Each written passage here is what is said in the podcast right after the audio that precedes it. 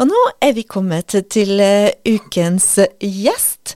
Med meg på skjermen har jeg Martin Bakken. Hei, velkommen. Hei, Vanessa. Ja, Martin, du er altså fra Sunndalen. Eh, men du er ikke der akkurat nå. Hvor er du? Jeg sitter på Oksvall på Nesoddtangen. Ah. Altså, ut vinduet bak meg så ser jeg over på Aker Brygge. På andre sida av Bunnefjorden. Er det lenge siden du forlot Sunndalen? Det er lenge siden. Jeg flytta jo til Kristiansund det året jeg fylte 16 år. Og i år fylte jeg 45, så kan man jo begynne å regne på det. Det begynner å bli noen år. Men eh, 16 år, eh, var det musikken som fikk deg til å flytte til Kristiansund? Det var det faktisk. Mm. Da hadde ja, da hadde jeg holdt på i noen få år på ungdomsskolen eh, og spilt i band og fått smaken på det. Og så møtte Ja, jeg hadde kontakt med en som gikk på musikklinja da, mot slutten av ungdomsskolen eh, på Atlanten. Og så ja, eh, var det ganske tydelig for meg at eh, det var det jeg skulle. Jeg hadde veldig sånn Jeg hadde lyst til å fly langt og høyt den gangen. Og ja, trengte å komme bort. Hvordan begynte musikken? Var det kulturskolen, eller hva? husker du ditt første musikkøyeblikk? Uh, ja, altså det begynte for meg Det begynte egentlig med ungdomsklubben på Sunndal, tenker jeg vi sier, hvis vi starter der. Uh, for der fikk man lov å begynne å gå når man begynte i sjette klassen, så da var jeg tolv år. Og eh, da dro jeg og en kompis fra altså Jeg kommer fra Grøa, som er litt utafor sentrum i Sunndalsøra. Eh, så det var ikke sånn at man dro inn til sentrum hele tida eh, når man var så ung. Så det å kunne få lov å begynne å gå på ungdomsklubben, det var et stort skritt. Og der var det øvingslokale, og der var det et miljø, og der var det jo noen eldre gutter som kunne vise oss noe riff og greier. Og det starta med jeg og Kompisen min Jale han spilte trommer, og jeg uh, ville vel egentlig mest bare synge, men jeg fant fort ut at det var lurt å spille litt gitar òg. Så i starten så sto vi der to stykker og, og øvde da, og så var det jo et miljø, og det kom jo inn uh, flere folk etter hvert. Og så ja, ble det med i band. og og uh, fikk uh, to sider i lokalavisa, var en kulturmønstring og fikk virkelig smaken på det. da, vet du. Hvilke, uh, begynte dere tidlig å um, komponere sjøl, eller var det litt sånn coverlåter? Og... Nei, det gjorde, det gjorde vi ikke. I, nei, altså når jeg begynte på musikklinja, så var vi jo Jeg var masse forskjellige band der, og det var jo det må jeg jo si det var veldig, veldig jeg har hatt veldig stort utbytte av de tre åra jeg bodde i Kristiansund og gikk på musikklinja. Fordi at eh, det var og jeg vet ikke, Sånn er det vel kanskje delvis i dag òg, men, men, i hvert fall den gangen så var det veldig mange muligheter eh, for å komme ut og spille live for et publikum. Eh, vi var vel ute og spilte på pub og sånn ganske lenge før vi egentlig var gamle nok til å være der.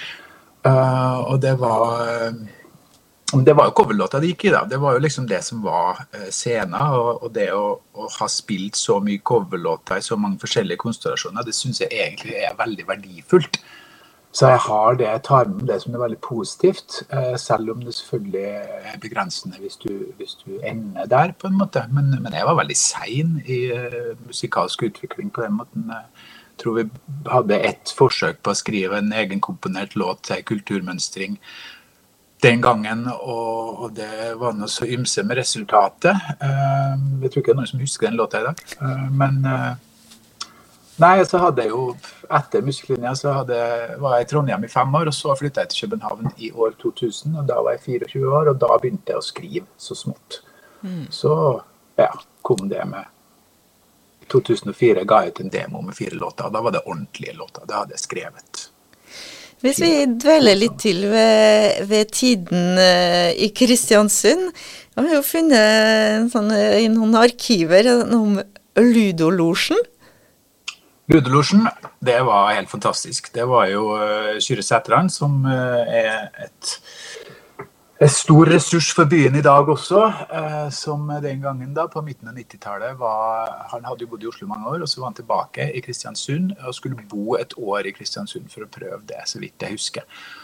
Og så tok han eh, tre av oss guttene som drev og spilte litt sammen fra før, under sine vinger, og, og vi laga band, da. Og, og, ja, hadde veldig stor glede av hans erfaring og i det hele tatt det å få være med på det. Mm. Og de karene, så vidt jeg vet, det, det hender at du spiller med dem ennå? Ja, det var jo uh, Freddy Bolsø uh, og Frode Kvisvik. Uh, og begynner å bli noen år siden jeg spilte med Freddy nå, men det er jo ikke tross alt ikke mer enn kanskje fire-fem år siden. Og Frode spilte jeg med for et års tid siden. Ja. Mm -hmm. Altså, nå vet vi at du, du, har gitt ut to plater, uh, soloplater, som, uh, som, viser litt, uh, som, viser ditt arbeid. Men jeg har sett også at Jeg vet ikke hvor ofte du er på Nordmøre, men jeg har sett noe om Martin and the Main Characters.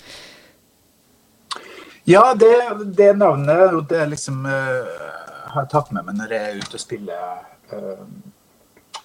Ja, uh, og The Main Characters har vært forskjellige konstellasjoner. Okay. avhengig av ja, hvor jeg er og hvem jeg spiller sammen med. Men, men, ja, jeg har jo hatt gleden av å være i Kristiansund blant annet og spille et par ganger de siste årene. Skal vi høre en låt, kanskje? Eh, du valgte å begynne med 'Utrygt'. Kan du fortelle oss litt om den låta?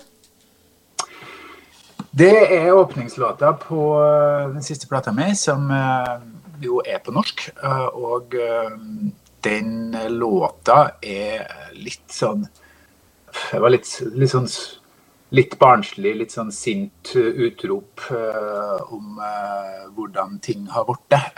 Og nå skal ikke jeg påstå at alt var så mye bedre før, for jeg vet veldig godt at det ikke var det. Men nei, det er noen ting da, som man tenker liksom at søren, det er for voldsomt.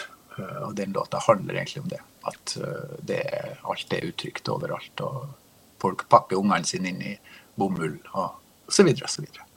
Utrygt. Du hørte nettopp eh, Martin Bakken, og Martin Bakken er med oss fra Østlandet igjen. Utrygt. Du sa det er på norsk, og du har jo gitt ut to plater. 'Ripples' fra 2012 og mm, 'Helt rolig' nå fra 2019. Eh, hva var det som gjorde at du gikk fra engelsk til norsk, eller hvorfor begynte du med engelsk? Uh jeg begynte med engelsk fordi at eh, det var Det var det naturlige å gjøre. Altså Det var liksom ikke aktuelt med noe annet. Jeg tror ikke jeg har noe bedre svar. Det var Ja. Jeg følte at det var veldig komfortabelt. og jeg føler også i dag at det er veldig komfortabelt å skrive på engelsk.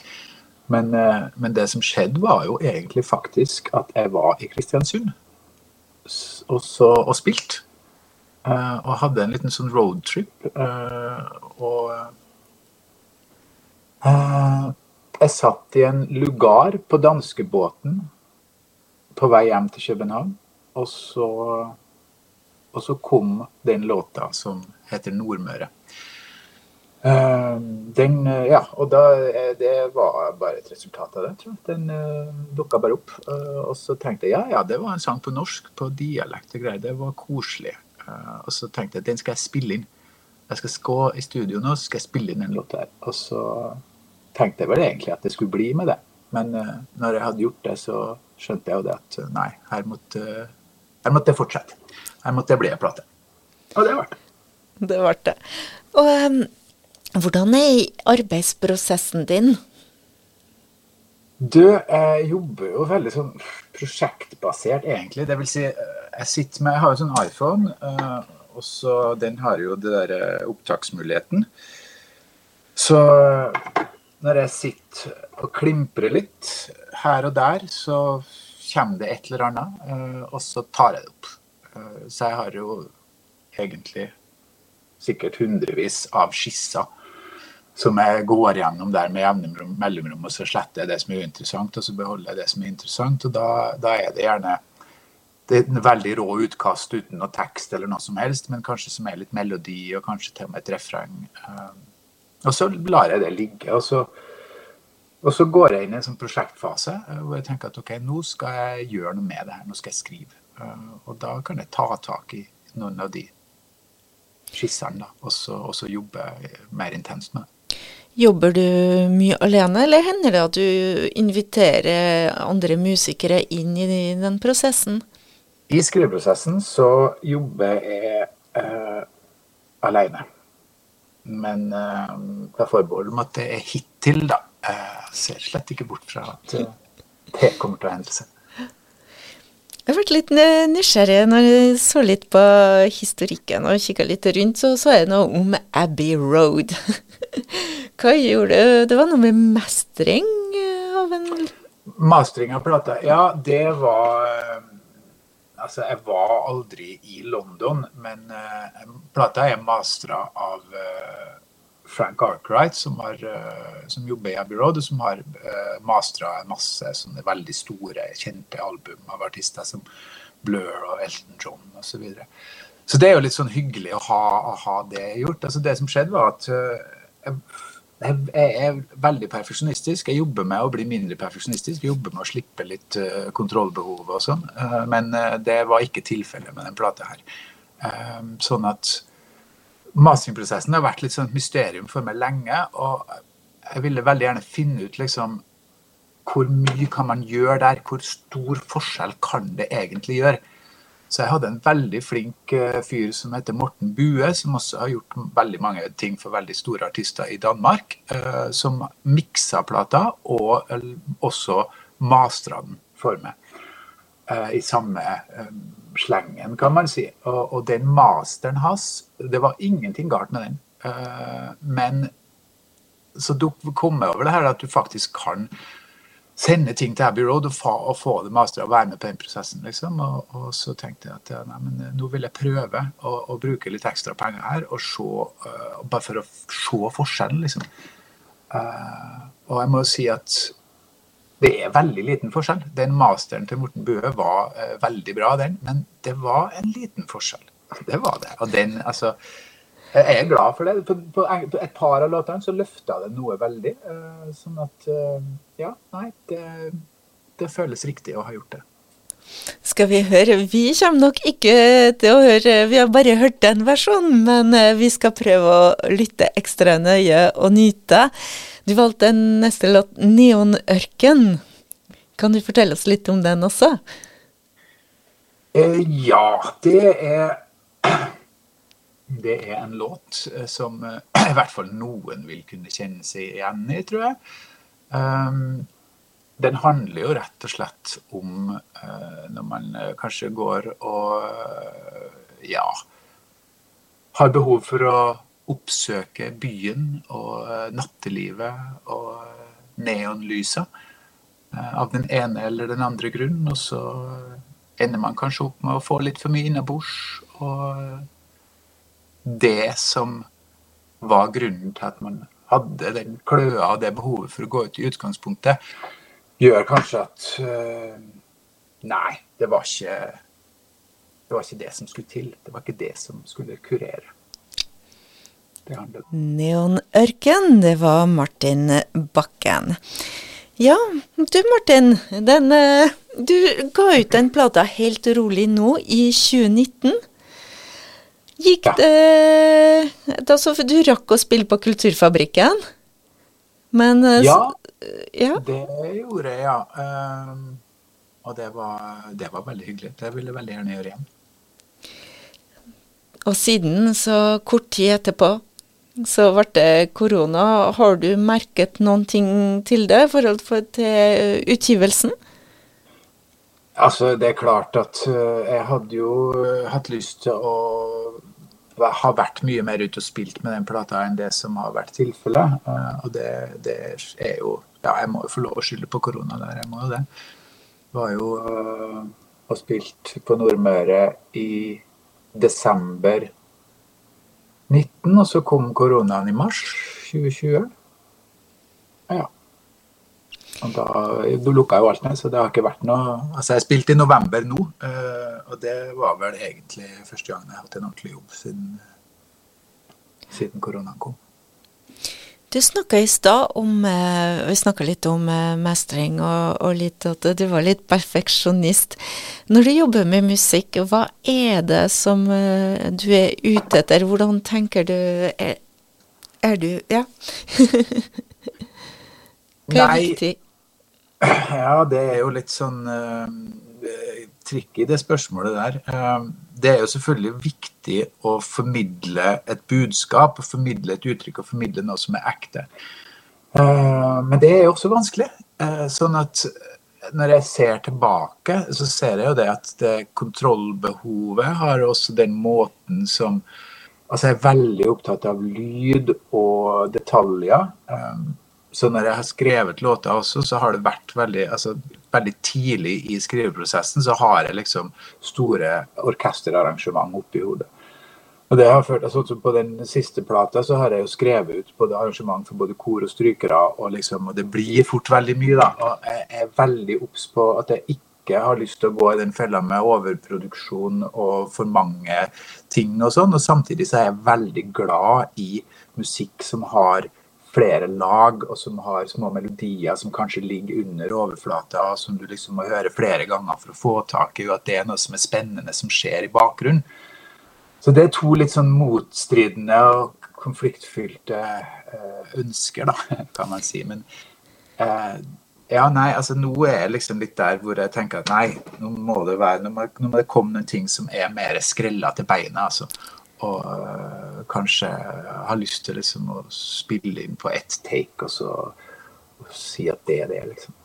Ja. Betyr det at du har uh, noe nytt på gang? ja, altså jeg har jo skissene mine. Det er masse låter. Jeg har noen, det er en del låter ja, som jeg tenker at de skal bli til en ny plate. Og jeg har liksom ikke satt noe dato for når jeg begynner å jobbe intenst med det. men det er på, helt klart på planleggingsbrettet. Um, og det er også noe med at jeg har investert i en del sånne hjemmestudioutstyr som er av god nok kvalitet til at jeg sjøl tror at jeg kan bruke det til en del av hvorpå jeg tidligere har liksom følt at jeg må gå i det største og beste studioet og bruke masse penger for å få det liksom eh, bra nok. Så tenker jeg at nei, nå har utviklinga kommet så langt, og det som jeg har hjemme nå, det kan jeg gjøre veldig mye med. Så jeg håper at det kan hjelpe meg litt også til å skrille ting litt mer ned til beina. Er du ofte på Nordmøre? Oh, ikke så ofte som jeg hadde tenkt. Nå flytta vi jo til Nesoddtangen for uh, tre år siden, og da tenkte jeg liksom at da skulle det bli mye lettere uh, å bare ta bilen. Men uh, å bare ta bilen tar jo fort sju timer, da. Mm. Så det er noe med at det blir ikke så ofte som jeg skulle ønske. Vi er på nett møte med Martin Bakken, som er på Østlandet akkurat nå. Og um, rett før nyhetene, vi snakka om at du var altfor lite i, på Nordmøre, og vi snakka om den lange veien. og jeg må si, Med sangen din 'Nordmøre' nå, det går ikke an å tenke på veien hjem og Nordmøre uten å tenke på svingene der jo nærmere man er, jo fortere går det. ikke sant. ikke sant. Det er en del som kan kjenne seg igjen i det. Vi skal avslutte med en låt eh, som er fortsatt fra siste plata, som heter Helt rolig nå, fra 2019, og låta heter Små. Kan du fortelle oss litt om den, og hvorfor du ønsket å avslutte med den?